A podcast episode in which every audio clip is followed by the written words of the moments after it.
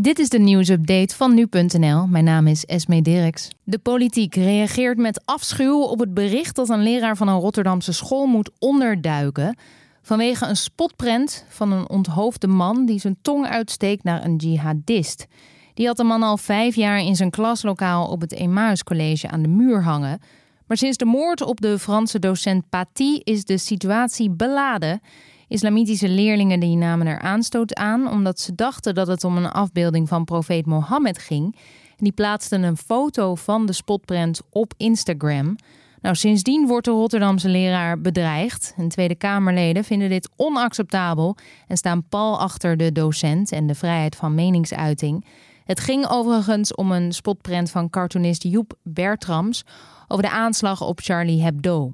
De tweede coronagolf zorgt voor groeiende onzekerheid over de economie. De Europese Commissie waarschuwt ervoor dat economisch herstel nog lang op zich laat wachten. De prognose voor ons land is twee jaar maar liefst. En daarmee schetst de Commissie een somberder scenario dan het Centraal Planbureau eerder deed. Die zei te verwachten dat de economie komend jaar zal groeien met 3,5 procent. Maar de commissie denkt dat het om 2,2% zal gaan. Tegelijkertijd wordt meer werkloosheid verwacht.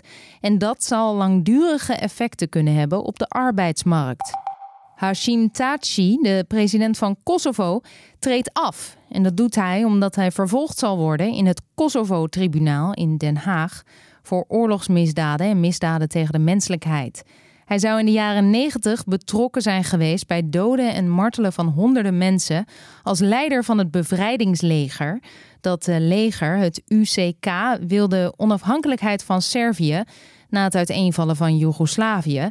Dat lukte. Tsaatsi uh, riep de onafhankelijkheid in 2008 uit en werd premier van Kosovo. En in 2016 werd hij daar president. Hoofdimam Yasin El Fourkani van de Blauwe Moskee in Amsterdam stopt met vrijdagmiddag preken. De aanleiding zijn bedreigingen die zijn binnengekomen nadat hij zich uitsprak over wetgeving tegen het beledigen van de profeet Mohammed. Dit weekend doet El Fourkani aangifte daarvan, maar intussen is in overleg met het moskeebestuur besloten dat hij geen preken meer geeft. Die imam kreeg ook kritiek vanuit de gemeenteraad. En de afsluitdijk, ja, die zou in 2022 klaar zijn. Maar daar komen nog zeker drie jaar bovenop. Dat meldt minister van Nieuwhuizen nadat er een ontwerpfout is ontdekt bij de spuisluizen. Door de vertraging zal de renovatie honderden miljoenen euro's duurder uitvallen dan de 550 miljoen euro die er al voor gereserveerd is. Daarover wil de minister zich nog niet uitlaten.